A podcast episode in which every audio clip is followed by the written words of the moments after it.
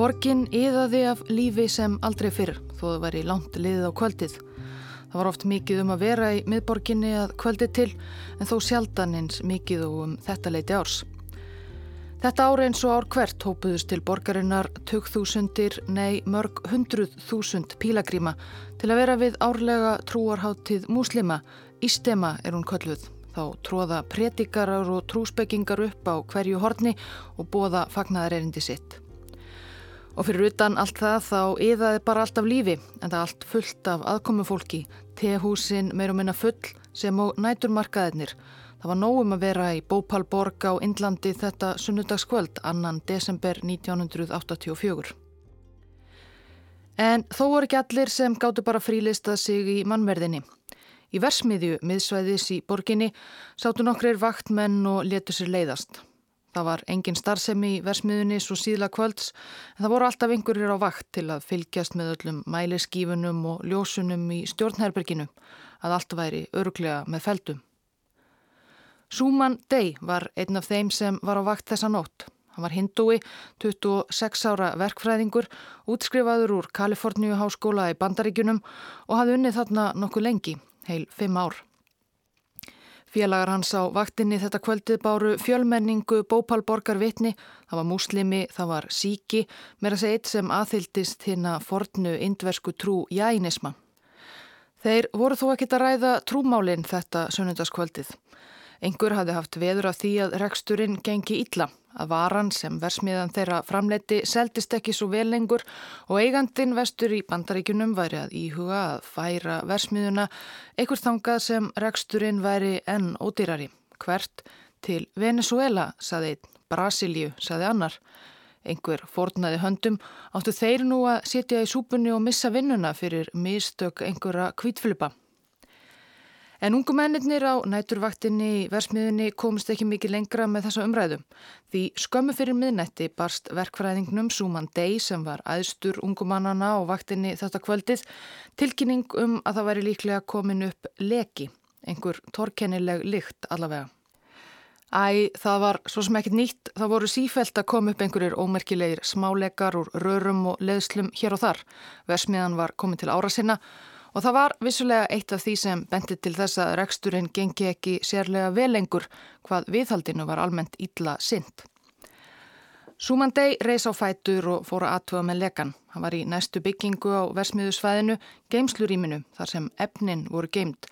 Efnin sem fóru í vöruna sem framleitt var í versmiðunni, skortirætur.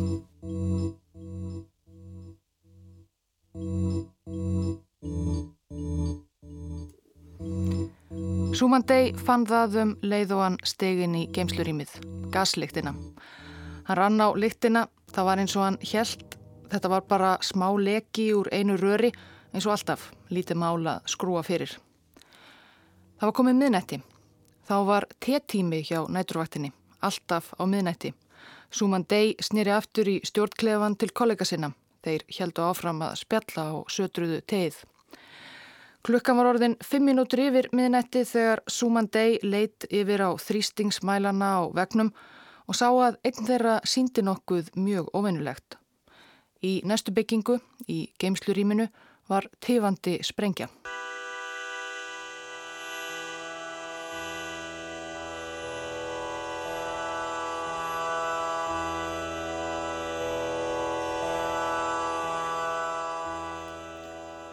Bhopalborg er höfuborg fylgisins Madhya Pradesh í miðju Indlandi. Sagan segir að konungur nokkur hafi stopnað borgina á 11. öld en rítuð sagaborgarinnar nær þó einungis aftur til upphafs átjándualdar. 1818 lendi borgin á áhrifasvæði Breska Östur Indiafélagsins. Í nafni breyta réðu þar ríkjum íslamskir konungar og drotningar, reyndar aðalega drotningar lengi vel. Það voru múslimar í meiri hluta borgarbúa. Eftir að Breska Indland klopnaði niður í sjálfstæðu ríkin Indland og Pakistan flúðumarkir múslimar bópal yfir til Pakistans eins og öðrum borgum og sveitum Indlands. Hindúar fluttu í staðin. En í dag eru þó múslimar um fjórðungur borgarbúa og menning þeirra setur enn svip á borgarlífið, trúarháttíðir eins og ístema til að mynda. Bópal er stundum kölluð borg vatnana vegna þeirra mörgu stöðuvatna sem enkenna borgarmyndina Hún ku líka verið ein af grænustu borgum Indlands. Það eru kaltæðnislegt kannski þar sem borgin er Jóannas helst þekkt fyrir eitt hryllilegasta eituröfnaslís sögunar.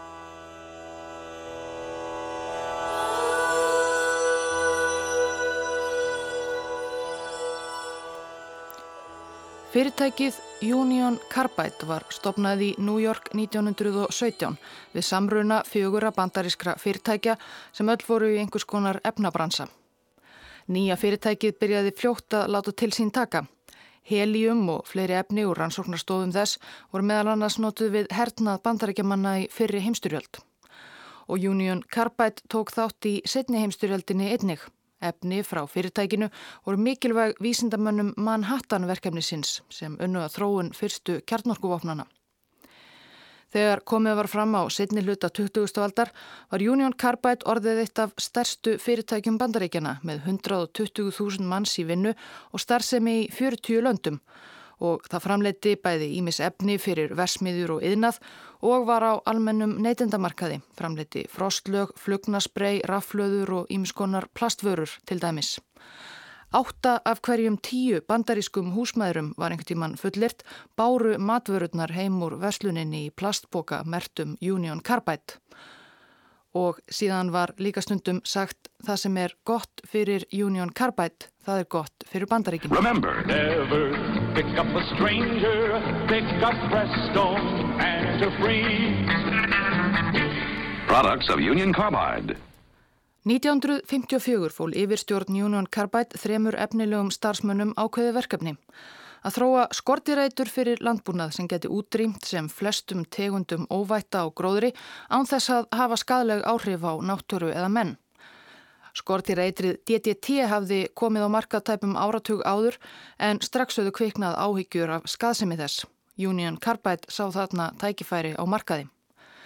Eftir þrjú ár og óteljandi tilraunir með allar mögulegar gróðurtegundir og smákvikindi voru Union Carbide mennir þrýr svo komnir með lausnina. Það var svo kallað karbamat efni búið til með því að veita gasi að nafni metil isocyanat á efnið alfa-naftól.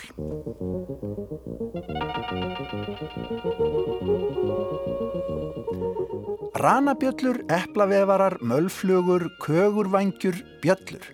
Þetta eru bara örfáar þeirra þúsunda skortýrategunda sem að árlega háma í sig uppskeru fyrir margar miljónir.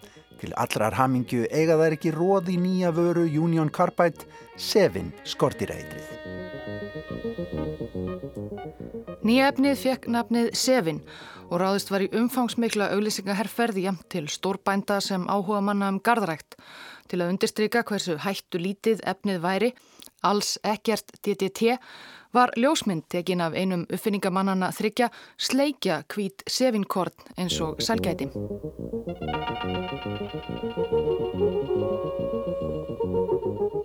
Í bandaríkunum og miklu víðar hefur sefin þegar bjargað bómullar og kornögrum, ávöxtum og gremmiti frá eðileggingarmætti skortýra.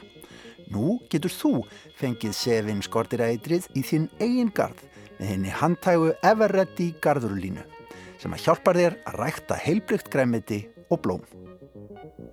Sevin sló í gegn. Ekki leið á löngu þar til Union Carbide var farið að leita nýra markaða víða um heim, eins og á Indlandi. Svo hljóðaði N1 Union Carbide auglýsingin. Uksar plæja agrana, þið eilifa fljóð gangers. Demant skreittir fílar á gangi. Í dag má finna þessi tákn hins forna Indlands við hlýð nútíma innar. Indland hefur djörf áform um að byggja upp efnahagsinn og veita 400 miljón íbúum bjarta framtíð. Union Carbide hafði raunar verið með starfsemi á Indlandi síðan 1934 þegar stopnað var dótturfyrirtækið Union Carbide India Limited sem var í minni hlutaeigu indverskra stjórnvalda. Fyrirtækið framleiti lengst af raflöður og ímis efni og tæki fyrir indverskan markað. En græna byltingin, svo kallaða, nýju harðgerðu og hraðvaksandi korntegundirnar sem plöntufræðingar þróuðu á ofanverðum sjönda áratögnum, hún gjör breytti svo indverskum landbúnaði, uppskerubrestur og tilherandi hungur heyrði nú sögunni til, eiginlega. og sefin skortireitrið reyndist á að vera einmitt það sem indverskir bændur þurftu til að ráða niðurlögum þeirra fjölmörgu og skæðu skortira sem herjuðu á gróðurland þeirra. Svo að í lok sjönda áratögarins var ákvörðunin tekin að reysa sefin versmiðju í Indlandi í sjálfu hjarta landsins, Bópal.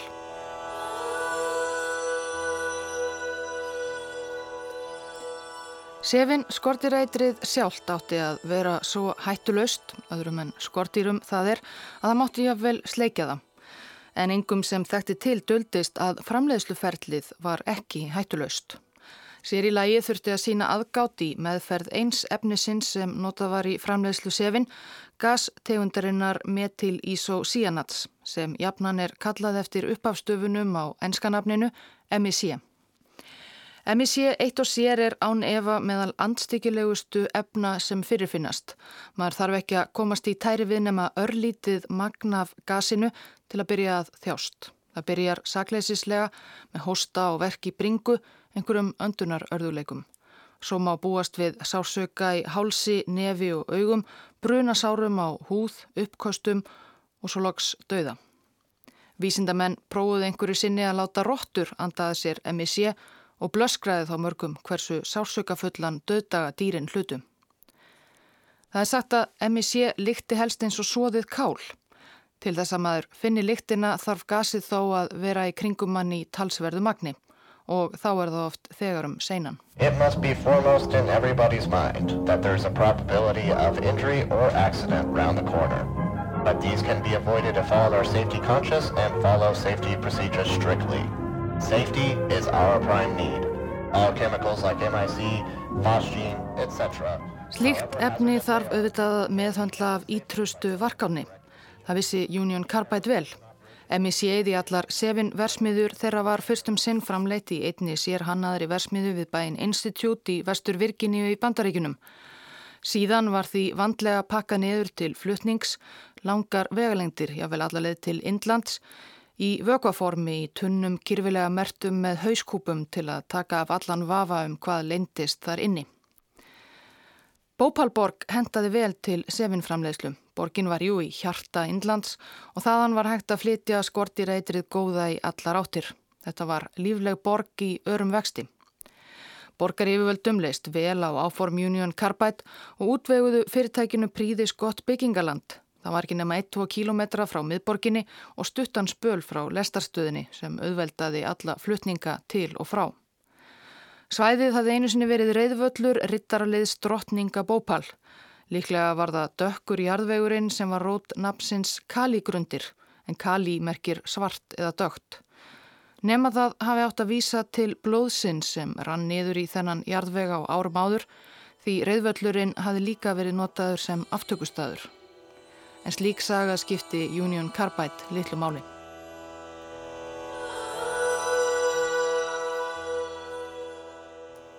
Versmiðja Union Carbide var tilbúin til sefin framleiðslu 1969. Reksturinn gekk vel og 1980 var búið að byggja við versmiðuna svo að þá gáttu indverjarnir búið til sitt eigið með til isocyanít, MIC, og þurftu ekki lengur að taka við hauskúpumertum tunnum frá bandaríkunum. Eitrinu í vökvaformi var þá pumpað í þrjá stóra tanka sem geimtir voru neðanjarðar til öryggis undir um 15 cm þykkum steinsteipuhellum. Jafnvel í sumarhittanum á Indlandi þurfti að halda vökvanum við frostmark svo hann breytist ekki í eitrað gasið.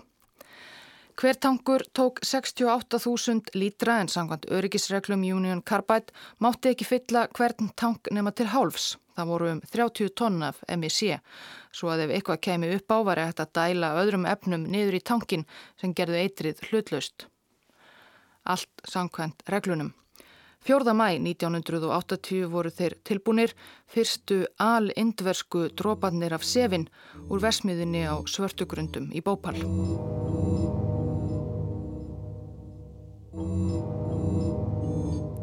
Það var gríðalegur háfaði, snarkandi suðu hljóð eins og úr potti. Hellan öll leg á reyðiskjálfi. 20 myndur í eitt eftir miðnætti að fara á nótt 3. desember 1984.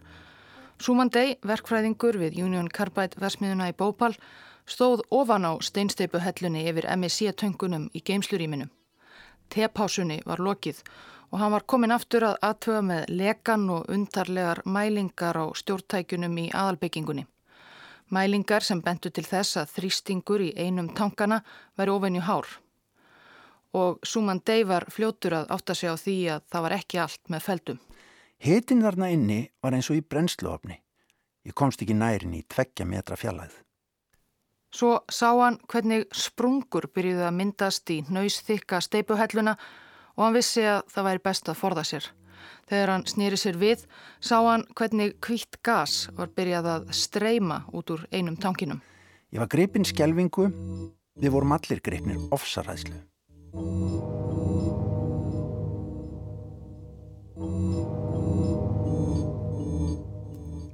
MSC-forðin í Sefin Versmiðun í Bópál var geimdur í þremur töngum E610, E611 og E619 voru þeir kallaðir. E610 hafi verið til vandræða undanfarnar vikur þarna í desember 1984.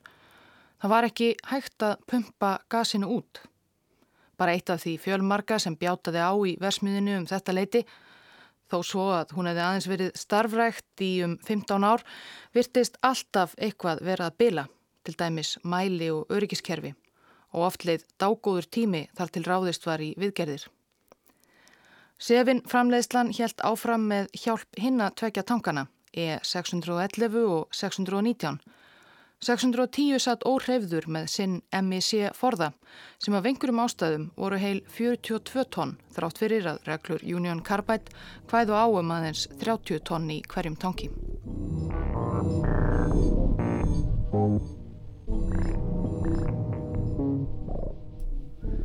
Í starfsliði Union Carbide í Bópál voru nokkrir bandarískir yfirmenn og verkfræðingar en flestir starfsmenn voru þó indverjar. Verkfræðingar sumir, aðrir ófaglæðir tæknimenn. Þetta var góður vinnustöður, launin voru með því hæsta sem þekktist á þessum slóðum og fjölskyldur úr sveitunum í kring komið til borgarinnar með dætur sínar í vonum að gifta þær starfsmönnum Union Carbide. Eitt kastaði þó skugga á dyrðina. Allt frá upphafi herjuðu slis á versmiðuna á starfsfólk hennar. Eitt starfsmæður lést 1981, ekki lungu eftir að MSC framleiðslan hófst, eftir að hafa andaða sér eitruðu foskengasi. Fosken er annað gas notaði framleiðslu sefin, líka ban eitrað, raunar svo mjög að það var mikið notað sem efnavopni fyrir heimstyrjöld. Ári síðar lendu á þriðjatug tæknumanna á sjúkrahúsi eftir annan gasleika og svo mætti lengi telja. Yfirleitt komst yfirstjórn Union Carbide að þeirri niðurstöðu að slísin hefði verið indversku starfsmönnunum sjálfum að kenna. Sá sem lést hefði til að mynda tekið af sér öndunargrímuna og af snemma. Það var aldrei við Union Carbide eða þeirra ítarlegu örgisráðstafanir að sakast. En einhverjir fóru þó spátt og smátt að efast um að allt væri með feldu í versmiðunni á svörtugrundum. Verkalýðsfélag starfsmanna krafðist úrbóta og starfsmæðurinn sem andaði að sér foskengasi og lést, hann hafði átt kunningja sem var rítstjóri á bópalblæðinu Rapat Víkli. Það var lítið blað á hindi í borg þar sem úrdú var ráðandi tungumál en þekkt fyrir rannsóknarblæðamennsku. Eftir dauða vinarsýns fór reittstjórin Rajkumar Keswani að þefa af versmiðju Union Carbide. Hann rætti við starfsmenn sem lístu ávíkjum sínum af rekstrinum og lættist inn á versmiðjusvæðið að næturlægi. Fannst hann finna skringilega lykt í loftinu, eins og gaslykt. Það gefur að skilja að í efnaversmiðju sem þessari ámaður helst ekki að finna gaslykt. Það bendir jú til að eitthvað sé að leka út sem á ekki að gera það. Vorið 1982 eftir að hafa unnið í málinu í einhverja mánuði datt Rajkumar Keswani svo í lukkupottin. Þá komu þrýr bandarískir verkfræðingar frá Union Carbide til Bópal til að taka út versmiðureksturinn. Rajkumar Keswani komst yfir skýsluna sem þeir gerðu að heimsókninni lokinni. Hún var honum sjokkerandi lesning. Samkvæmt skýslinni auðu bandarækjamennir fundið meira en 60 brota á starfs- og örgisreglum versmiðunar. Þeir lístu ömulögum frágangi á lóðinni, gamlar pípur, leðslur og óljutunnur á víð og dreif, eldfimur efnaúrgangur í pollum á jörðinni. Þeir lístu íllasamsettum, riðguðum tækjabúnaði, legum rörum, lélegum eldvörnum, byluðum mælibúnaði, starfsmönnum sem ekki fengu viðunandi þjálfun. 17. september 1982 kom fyrsta grein Rapat Víkli út. Hún hófst sem einskonar ákall til stjórnenda Union Carbide. Vinsanlegast þyrmið borginni okkar. Þeir eru að stefna öllum hverfunum í hættu, Orja Bústi, Tjóla og Jæp Prakas sem að liggja upp að veggjum verksmiðunar ykkar. Versmiðjan var ju ekki nema 1-2 kilometra frá miðborg Bópal og umkringt þéttbílum íbúðakverfum í allar áttir. Raskumar Kesvani bindið þínæst orðum sínum til lesenda. Ef að það verður stórslis einhvern daginn, segi þá ekki að þið hafið ekki vitað þetta. Sá dagur er ekki langt undan að Bópal verður döið borg. Þegar aðeins nokkri steinar á stangli og brak er vitni um harmþrungin endalógin. En lesendahópur Rapatvíkli var ekki sérlega stór. Yfir stjórn Union Carbide let sig sannlega eitt lítið dagblad litlu varða og enginn hlustaði á domstagsbá Ratskumars Kesvani.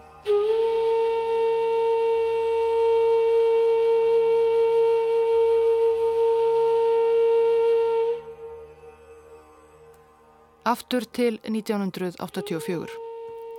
Í vonum að koma þriðja MIC tankinum, þeim sem kallaður var E610, aftur í gagnið, var ákveðið á dagvaktinni sunnudaginn annan desember að spúla rörin sem lágu út úr tankinum.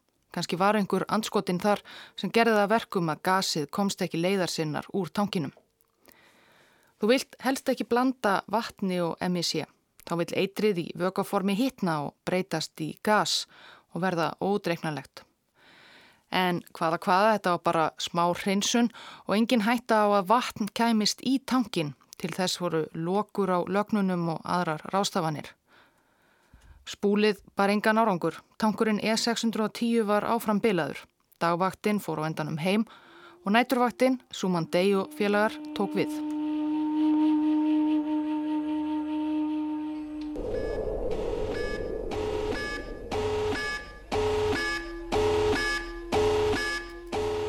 Um eitt eftir miðnætti. Súman Dey og hinn er í stjórnstöð versmiðunar forviða yfir því hvað væri einlega að ske settu allar neyðarvarnir í gang. Til að reyna að koma í veg fyrir að ban eitrað gasið flætti óáreitt gegnum það völundarhús lagna sem versmiðan var.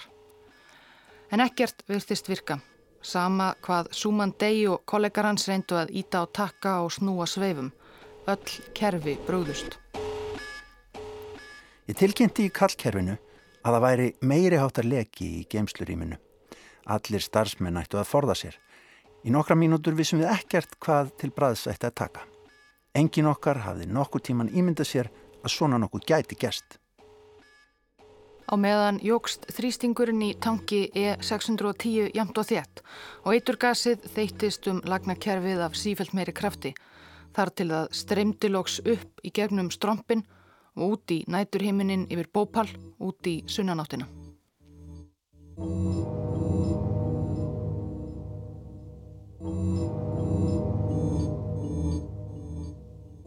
Á heimili sínu ekki langt frá versmiðu Union Carbide lá Týr Tjáhann og Svaf. Hann var tæknumæður í versmiðinni, hafði verið í nokkur ár og hafði hrósað happi þetta kvöldið að vera ekki á næturvaktinni því hann átti tvö ung börn, gæti sett þau í háttinn og farið snemma að sofa.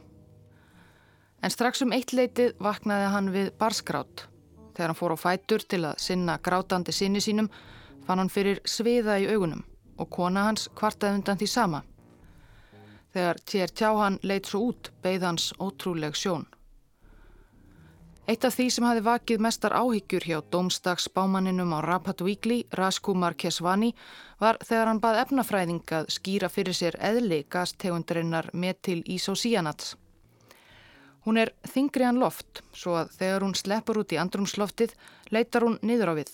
Færi MIC að streyma út úr versmiðunni á svörtugrundum, myndi það því leggjast yfir Bópalborg eins og baneitrað teppi, spáði Raskumar Kesvani. Það var nákvæmlega það sem var að gerast þessa nótt. Það hafi verið komin ró á götur Bópal eftir hátíðahöld kvöldsins, en upp úr eitt vöknuðu borgarbúar af svefni sínum einn af öðrum, Við það að þeir áttu erfitt með andardrátt þá sveiði augu og undunarfæri. Og það varð verra og verra með hverju sekundinni sem leið. Það var barið á dyrnar og fyrir utan stóð frændi minn. Það var miðnótt en hann var með dökk solgleiröðu. Farah Khan var tíu ára í desember 1984. Hann tók þau af sér og augun í honum voru rauð og bólgin. Ég spurði hvað var að gerast og hann sagði bara farðu inn og lokaðu dyrunum. Það hefur orðið ræðilegt slis. Þetta var eins og einhverju hefði verið að brenna chilipipar í vöruskemmu. Heilt fjall af chilipipar, augun í mér brunnu og pappi dró mig strax aftur inn og lokaði dyrunum. Við heldum að allt yrði þá aftur eins og það átt að vera. Þannig var það ekki. Örvæntingafullt fólk streymdi út á götur bópal, reyndi að hlaupa undan þessum ósynilega minnvaldi, hóstandi, grátandi, fróðufellandi, kastandi upp. Margir örmögnuðust á hlaupunum, fjallu til jarðar þar sem eitur gasið var enn þykara, köpnuðu þar eða druknuðu í eigin ælu eða blóði. Símringing vakti H.H. Triveti í lækni. Hann þyrti að haska sér á spítalan. Á leiðinni á sjúkrahúsið sá ég börn, gamalmenni, unglinga, allir voru hlaupum, fróðu fellandi úr munni og nefi. Sumir sátu við vegarkantinn ælandi, aðrir lágu bara, grátandi eða öskrandi og nuttuðu í sér augun. Ástandið sem mættunum á spítalaborgarinnar var ekki kræsilegra. Algjör ringulreið, fárvegt fólk og deyjandi upp um alla veggi í þúsunda tali. Is the emergency ward of Hamidia Hospital, the main hospital in Bhopal. Here's a young patient in grey shirt lying there. He's having convulsions. The doctor is trying to clean his uh, nose, which is bleeding. And one man is holding one arm and one leg. He seems to be in pain. Frétt úr indverska útvarpinu frá bráðamáttöku Bópal Spítala síðar um nóttina.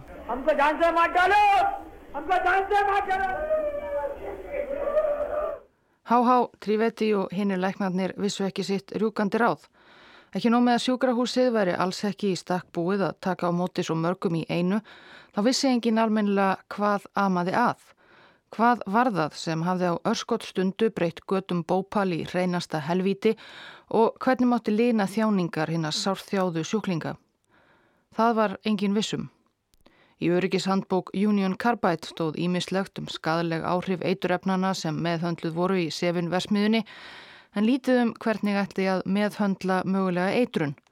Jafnvel þegar leið á nóttina og leitað var til sérfræðilækna sem við indverska dótturfyrirtæki Union Carbide hafði á sínum snærum var fátum greinagóð svör. Læknarnir á sjúkrahúsinni í Bópal gerðu sitt besta með það litla sem þeir höfðu. En ansi margir af þeim sem á annað borð komust alla leið á sjúkrahúsið að fara nótt mánudagsins 3. desember 1984 fóru ekki þaðan út á lífi.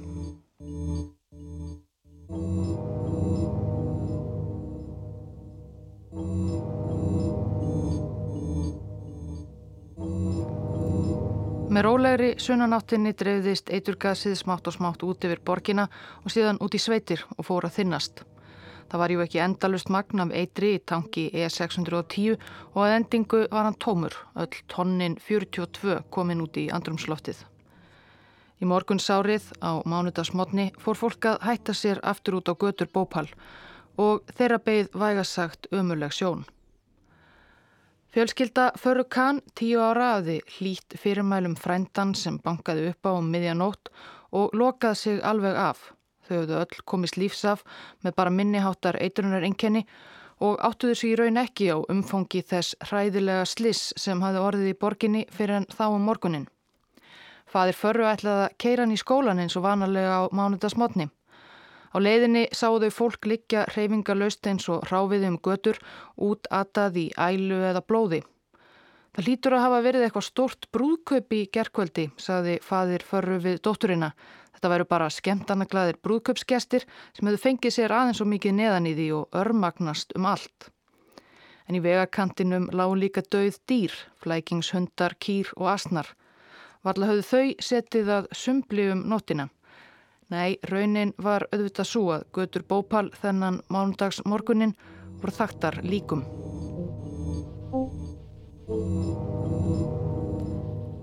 Það var setna sem við áttuðum okkur á því að fólkið á gangstétunum það var allt dögt og rétt við spítalan þar voru mörg, mörg hundru manns í alls konar ástandi og ángist.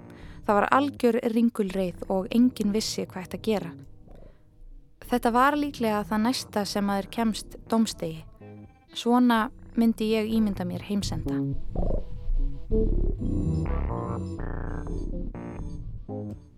Ekki að undra kannski að fólk flúði þennan heimsenda í þúsundatali. Fréttamaður á pallinum og aðalbröytarstöð borgarinnar þennan morgunin sagði að minnstakosti 10.000 manns býða eftir lestum, eitt hvert í burtu. I'm now standing at the platform of the city's railway station and there are at least 10,000 people here trying to get out of the city. Are you living on this train? Fólk vildi komast burt, bara eitt hvert, þar sem það gæti talið sig örugt, þar sem engin ósýnilegur óvinnur lendist í loftinu.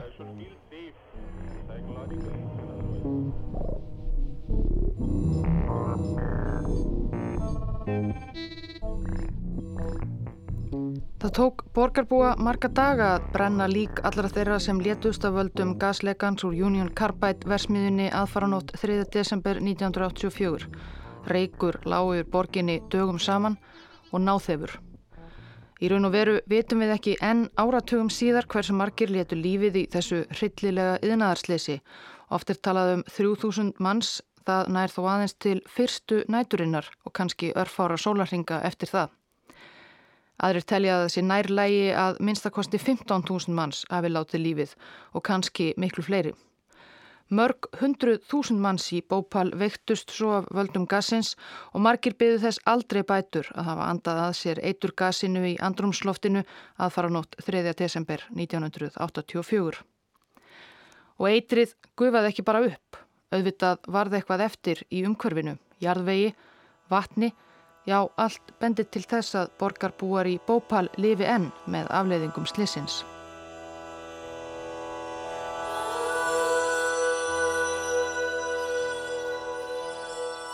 Forstjóri Union Carbide, Warren Anderson, flög til Indland sem leið og fréttist af slissinu. Hann var handtekinn við komina til Bópal sagaður um manndráp. I'd like to do, and I hope you can help me, is tell my wife I'm alive and well Anderson is out on $2,000 bail. He does not know whether he will have to face trial, but he's glad to be free now. En örfám klukkustundum síðar var hann látin laus gegn tryggingu og haskaði sér aftur úr landi. Og æg síðan einlega hefur verið deilt um ábyrðina á slísinu 1984. Rannsókn leiti í ljós í stuttumáli að líklegast sé að Ítla hafi verið gengið frá lögnunum þegar þær voru spúlaðar á dagvaktinni daginn fyrir slísið svo að vatn komst í MIC-tankin E610, eiturvögvin breytist í gas, þrýstingurinn jógst og gasið komst á endanum út með þessum hryllilegu afleðingum. Í ljós kom líka lokur á lögnunum sem áttu að koma í veg fyrir að vatn eða nokkuð annað óæskilegt kæmist í MIC-tankana Þær voru hreinlega ekki til staðar og langflest mælitæki og öryggiskerfi voru svo annarkvort alveg byluð eða eitthvað byluð. Ansi Mart þurfti að spila saman til að svona ítla geti farið, viðvarandi lélegt viðhald, slakar öryggiskröfur og fullnægjandi þjálfun starfsmanna, vandamál hunsuð. Eitt af því sem bandaríkjamennir þrýr sem tóku út rekstur Vesmiðunar 1982 og fundu ímislegt að, eins og bladamæðurinn Raskumar Kesvani fór yfir í bladi sínu, Eitt af því sem þeir nefndu var að það hafði gerst að minnstakosti einu sinni að vatn komst óvart ofan í tank með MIC og það mátti auðvitað alls ekki gerast. En ekkert verðist hafa verið aðgert, ekki frekar en nokkur hlustaði á Raskumar Kesvani. Mart af þessu lítur að teljast allavega að hluta til sög yfirstjórnar fyrirtækisins sem rak versmiðuna, eða hvað? Línan frá Union Carbide í bandaríkunum varð að skemdarverk hlítu að hafa verið unnin á MIC-tankinum. Einhver óprútin starfsmæður vísvitandi komið vatni þar ofan í. It doesn't sound like something that's inadvertent uh, and it could be a deliberate action. Þetta var Warren Anderson aftur. Afleðingar slissins, já, köllum það slis. Í Bópal átti eftir að enkjana allan rekstur Union Carbide næstu árin og áratugina. Fyrirtækið barðist gegn því að bera nokkra ábyrð og jafnvel gegn því að þurfa að taka til á versmiðusvæðinu en versmiðinni var að sjálfsögðu lokað. 1989 fjælst fyrirtækið þó á að borga indverskum stjórnvöldum nokkra uppæð um 470 miljónir dollara. Árið 2001 kifti annar bandarískur efnarísi fyrirtækið sem mátti þá muna sinn Fívil Feguri, Dow Chemical Company. Talsmenn borgarbúa í Bópal, talsmenn þeirra sem enn liðu líkamlegar eða andlegar kvalir af völdum efnaslýsins 1984 Þeir heldu áfram að berjast við Dow Chemical um að axla einhverja ábyrð. 470 miljónir dollara, það eru ekki miklir peningar með að við umfang atbyrðana í Bópal. Þegar upp er staðið fekk hver sjúklingur í borginni um 500 dollara. En eins og talskona Dow Chemical sagði einhverju sinni 500 dollarar, það lítur að vera feiki nóg fyrir indverja.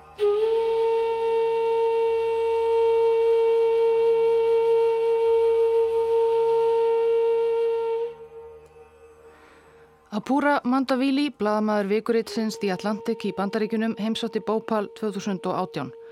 Hann rætti þá við eldri konu, Múni, sem bjó ekki langt frá því sem einu sinni var Union Carbide versmiðan á svörtu grundum og hafi lengi gert.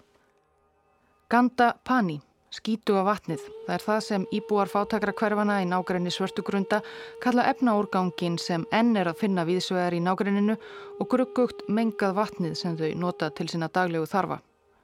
Þau láta okkur drekka eitur, saði Múni við bladamann. Sjálf er hún með krapamein, barnabörn hennar fættust flest með einhverja kvilla og lýsing bladamanns á hverfinu sem Múni býri er hróllveikjandi.